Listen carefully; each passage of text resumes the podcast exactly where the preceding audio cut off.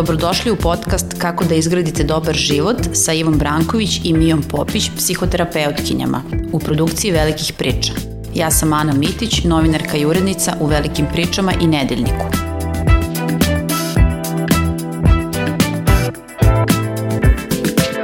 U jednoj od prethodnih epizoda e, bavili smo se time kako su tehnologije i društvene mreže učinile naše odnose površnim, ali smo govorili o tome šta su prednosti uh, tehnologije i, i društvenih mreža, pa kad su u pitanju partnerski odnosi ima tu mnogo prednosti, pa recimo mnogo je lakše da nekome priđete na društvenoj mreži jer ćete lakše podneti odbijanje.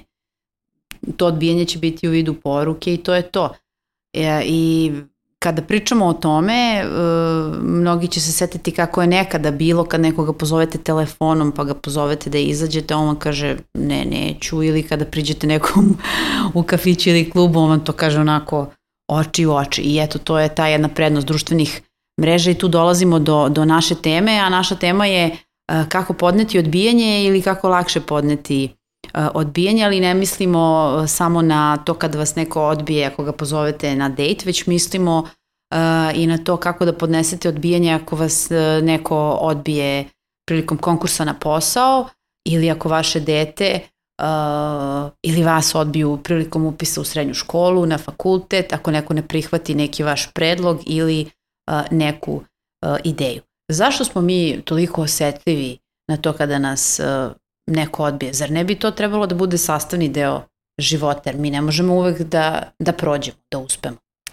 Tačno, to jeste sastavni deo života, ali smo mi prilično osetljivi, naravno zato što je neprijatno. I to je ono gde uvek pravimo grešku kada ovaj, mislimo o ovim stvarima, jer mislimo da postoje ljudi koji nisu osetljivi na to i kojima nije neprijatno kada su odbijeni. E, odbijanje je uvek neprijatno, ali je onda važno koje mi, kako mi dalje razmišljamo o tome šta se tu dogodilo. Jer odbijanje je neprijatno ako kažemo ok, ova osoba, recimo ako smo nekog startovali uživo ili preko društvenih mreža, ova osoba jednostavno nije zainteresovana jer joj se dopada neko drugi, traži nešto drugačije i tako dalje. I onda nam je samo neprijatno i to prođe. A ako krenemo da razmišljamo, eto, ja sam sada odbijena zato što sam ružna, zato što sam glupa, zato što sam neadekvatna, zato što ne vredim, onda odbijanje postaje jedna strašna i užasna stvar. Znači, način na koji mi razmišljamo o odbijanju i koji mu značaj dajemo čini da ono bude manje ili više strašno, a uvek, može, uvek mora da bude neprijatno. A na, na osnovu tvog iskustva, kako većina ljudi doživljava odbijanje?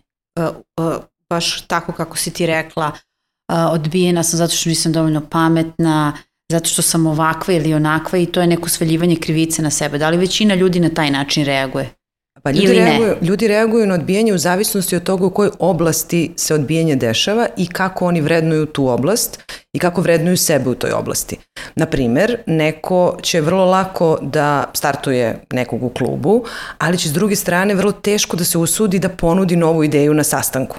Zato što uh, to startovanje u klubu ili ne procenjuje kao preterano značajno, to je deo zabave, to, to ne određuje njegovu ili njenu vrednost, a ako na poslu doživi neuspeh, a onda sebe krene da doživljava kao neadekvatnog. Tako da smo svi u različitim oblastima osetljivi na to. Imaš tu klasičnu razliku između muškaraca i žena. E, muškarci više prilaze ženama jer je to kulturološki jel, prihvatljivije i onda možemo da kažemo da su muškarci manje osetljivi na odbijanje. Žene vrlo redko prilaze i startuju muškarce jer to prvo njima nije urođena društvena uloga, drugo zato što onda drugačiji način procenjuju to kada su odbijene, samo zbog toga na koji način vrednuju tu stvar. Ako pogledaš ista je stvar, ti kad nekog startuješ i on te odbije, podjednako je neprijatno, jel bilo da si muško ili žensko. Ali zbog očekivanja u kontekstu, zbog uloge, zbog tog ličnog značaja koji mi dajemo nekoj temi, mi različito reagujemo na, na odbijanje. Da, samo da se vratim na ono što si rekla, e, žene i muškarci različito reaguju Pa da, različito doživljavaju odbijanje. To znači da ako, ako odbijete neku ženu, još su manje šanse da će onda ona prići nekom muškarcu. Pa pod jedan manje su šanse generalno da će žena prići muškarcu, Ako zar ne? bude odbijena, onda se te šanse još više smanjuju, je li tako? pa moguće.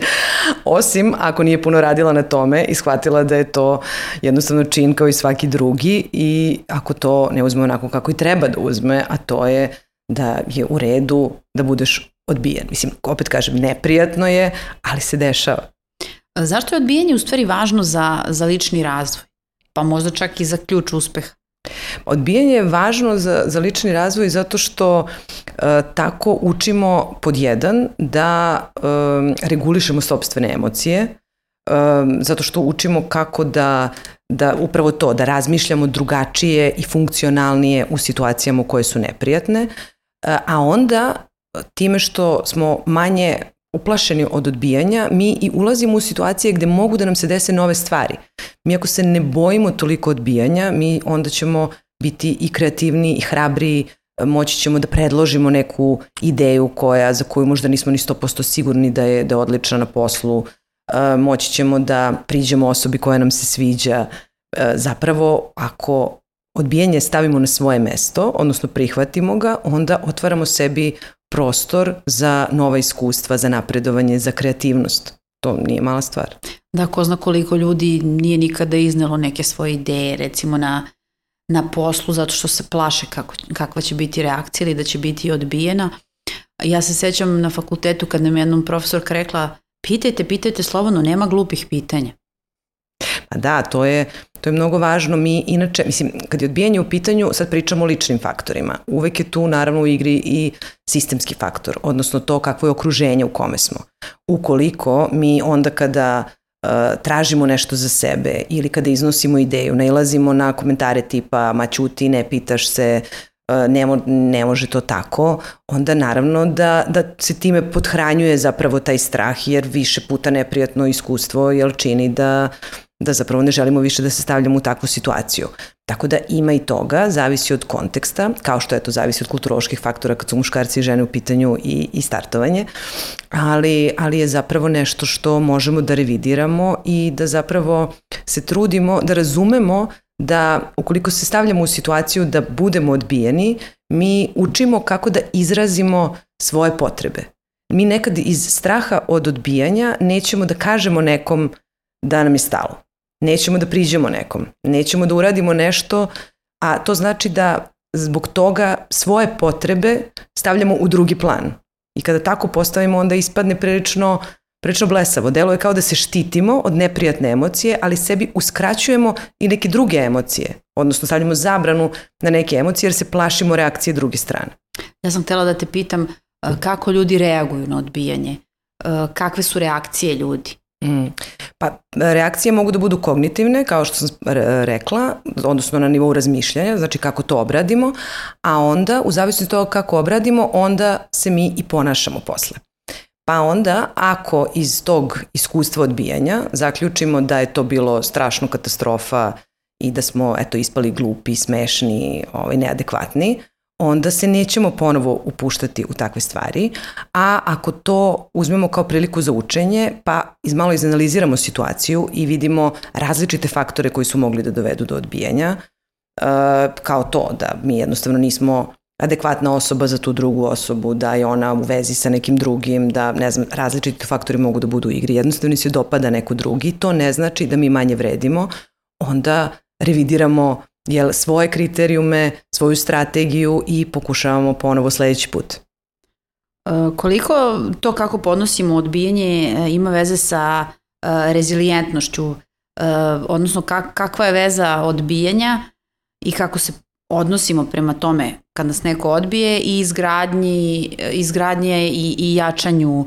ličnosti i otpornosti na neke razne životne probleme prilično je jaka veza, zato što mi time što se stavljamo, uvek kada se stavljamo u situacije koje mogu da budu neprijatne, mi u stvari demonstriramo hrabrost.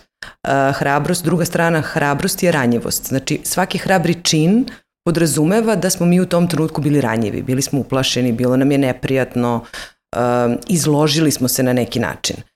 Kada prođemo kroz to iskustvo, čak i kada ono bude negativno, mi uvek možemo i to je sad to načina kako ćemo da razmišljamo o tome, da sebi zapravo, sad čestitamo je velika reč, ali da uvažimo tu sobstvenu hrabrost.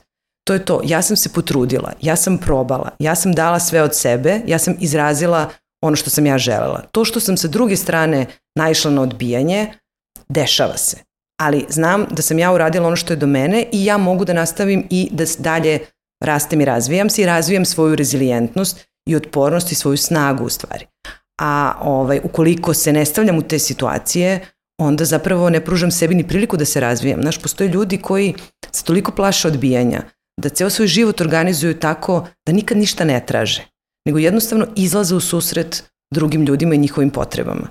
I to s jedne strane im pruža neko smirenje i neku vrstu zadovoljstva, ali opet s druge strane to podrazumeva da oni nikad za sebe ne dobiju ono što im je potrebno i onda u sebi ovaj, skupljaju bes, ljutnju, e, osjećanje razočarenja, jer drugi ljudi ne izlaze njima u susret, a oni jednostavno ni ne traže ništa za sebe u strahu da će ih neko odbiti.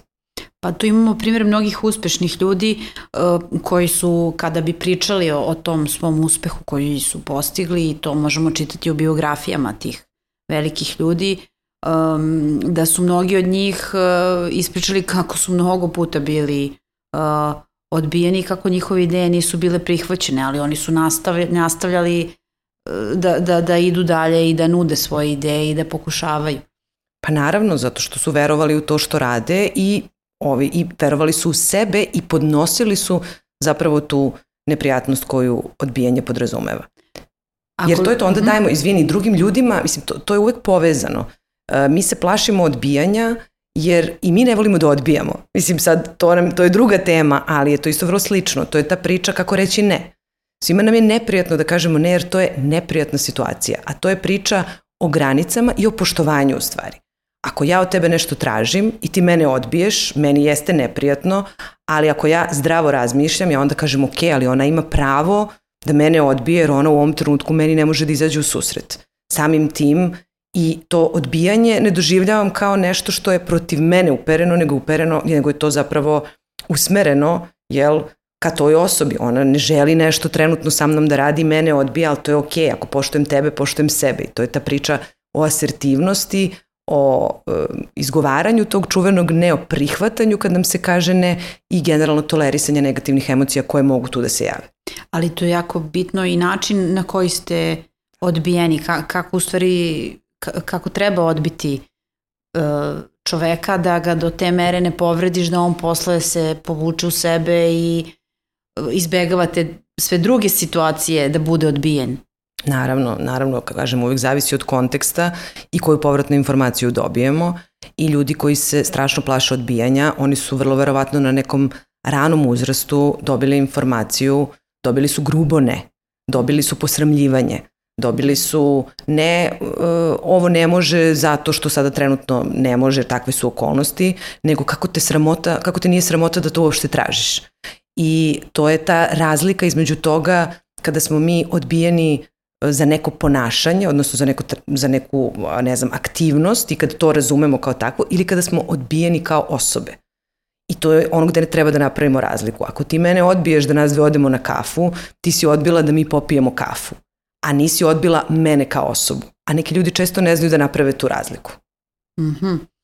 um, ono što me sada zanima uh, jesu deca i vaspitanje, zato što si spomenula da mnogi teško podnose odbijanje zbog toga što su na nekom ranom uzrastu bili uh, odbijeni, uh, koliko je uloga roditelja u osnaživanju dece uh, da, da, da budu spremna uh, da će mnogo puta u životu biti odbijena za nešto. Mi imamo situacije svake godine uh, da se deca upisuju u srednje škole i na fakultete i da neki od njih ne prođu.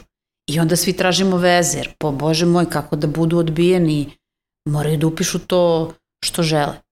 Da, to, to je veliki izazov za roditelje. Deci treba poslati poruku i da su njihove potrebe, želje, aspiracije validne u redu, s jedne strane, a s druge strane je da je u redu i da svet jednostavno neće uvek biti otvoreno mesto gde će oni moći da ostvare sve te svoje želje, htenje i aspiracije.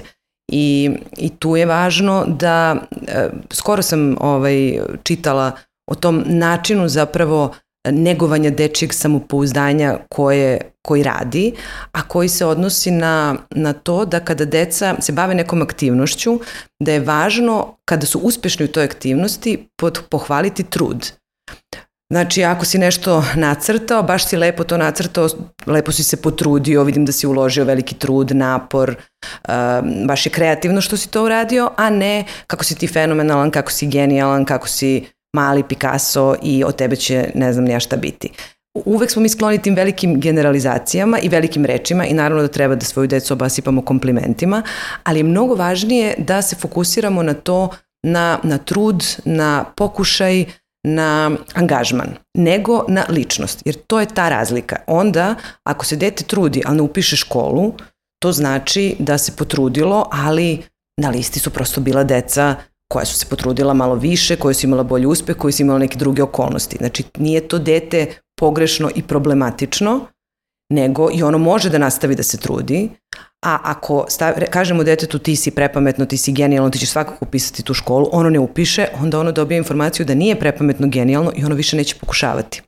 I na taj način mi zapravo učimo decu da se trude i da da zapravo rade i da se dalje razvijaju. U tom smislu, opet kažem, sve negativne emocije, porazi, neuspesi, odbijanja mogu da budu prilike za učenje jer su sastavni deo života. Zašto je važno da, da, da i dete bude odbijeno? Upravo zbog toga, da bi moglo da nauči, da nastavi da se trudi uprkos tome što u nekoj situaciji ne može da ostvari ono što želi. Da. Tela sam da te pitam uh, i sledeće, a to je kako onda lakše da, da podnesemo odbijanje? Um, pa tako što ćemo da razumemo šta se zapravo dogodilo na način koji će biti, sad je opet po starom, nežan prema sebi.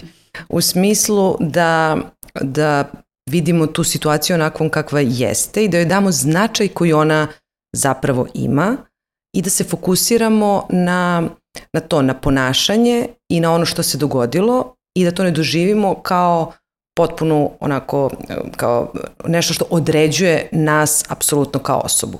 Znači da se, da dozvolimo sebi da imamo negativne emocije, da ih razumemo kao nešto što je okej, okay, da neprijatno je, ali da, da prosto to ne znači da, da mi kao osobe ne vredimo, da smo loši, da smo neadekvatni, da smo nevoljivi, da, da smo neuspešni, nego da jednostavno u nekoj situaciji nismo uspeli nešto što smo planirali, da poštujemo odluke drugih jel, koji ne žele nešto sa nama ili ne žele da nam izađu u susret u nekoj situaciji i da u tom smislu, kažem, budemo nežni prema sebi, ali i da na taj način mi uspevamo onda da nastavimo da negujemo svoje odnose. Jer je opasno, ako smo osetljivi na odbijanje, mi onda, iako im damo preveliki značaj, onda to može ozbiljno da naruši naše odnose. Znači ne samo naš lični razvoj, nego se mi mnogo naljutimo na nekog i, i onda ne možemo da se vratimo ponovo u taj odnos zato što mislimo da nikad ne smemo da budemo odbijeni. A to je suštinski jedna iracionalna ideja. Znači svi možemo da budemo odbijeni i to nam se zapravo dešava na svakodnevnom nivou, samo eto u onim oblastima u kojima e, to procenjujemo kao važno, mi onda umemo oko toga da se više uznemirimo, a suštinski je to pitanje prihvatanja nekih normalnih životnih okolnosti. Da, to je sastavni deo života, ali me zanima isto i to bi možda bio dobar savet za one koji treba da odbiju nekoga zbog nečega. Znam da je za decu važno da kad im kažete ne, da im objasnite zašto je nešto ne, pa im se objasni ne dam ti to zbog toga, toga i toga. kakva je situacija kod odbijanja sad se tu vraćam na, na ono od malo pre, na, na ta gruba odbijanja zbog kojih neki ljudi uh, odbijaju da pitaju, da ulaze u odnose sa drugim, u interakciju jer se plaše odbijanja. Uh, na koji način treba reći ne u različitim situacijama? Šta ne treba raditi? Šta je to grubo odbijanje? Pa svakako ne treba postideti drugu osobu. Mislim i to je ono što je važno, to je važno i kada deci govorimo ne i kada odraslima govorimo ne, da uvažimo da, da je to jednostavno da uvažimo i sobstvenu neprijatnost, jer to je isto ono što, što sam i malo pre rekla što mislim da je mnogo važno, svima je neprijatno da, da odbiju nekoga i onda u toj neprijatnosti umeju da budu ili da to nekako skrate ili da, ili da nešto slažu ili da nešto ili da se jednostavno ne jave. Ja mislim da od tog straha od odbijanja nekog drugog se javilo i čitavo ova, zapravo fenomen ghostovanja, odnosno nestajanja. Umesto da ti lepo i otvoreno kažem zašto ne želim više da se viđam s tobom, ja ću jednostavno da nestanem. Tako da ljudi koji to rade, oni to neki rade iz zle namere, ali neki zapravo rade samo zato što ne mogu da podnesu tu neprijatnost koja se dešava u razgovoru kome nekom drugom kažemo da ne želimo da da provodimo vreme sa tom osobom. Tako da je tu kao i u svim drugim stvarima važno to, kao što si rekla, jasno iskomunicirati, biti otvoren, biti fair i, i biti uh, svestan toga da je drugoj osobi neprijatno, pa možda ne reći, ne znam, sve, možda ne, ne reći sve, ali reći one stvari koje stoje, da trenutno jednostavno nešto ne želimo da radimo iz nekih svojih razloga i da je to to. Dobro Iva, hvala ti puno. Ja ću samo da podsjetim da možete da slušate podcast Kako da izgradite dobar život e, na portalu Velike priče, ali i na svim drugim platformama Spotify, Deezer, Podcast RS, na YouTube-u, a možete i da zapratite našu stranicu na Instagramu gde možete da se informišete o svemu što radimo i o svemu što smo radili i da poslušate sve naše epizode. Adresa je podcast Dobar život.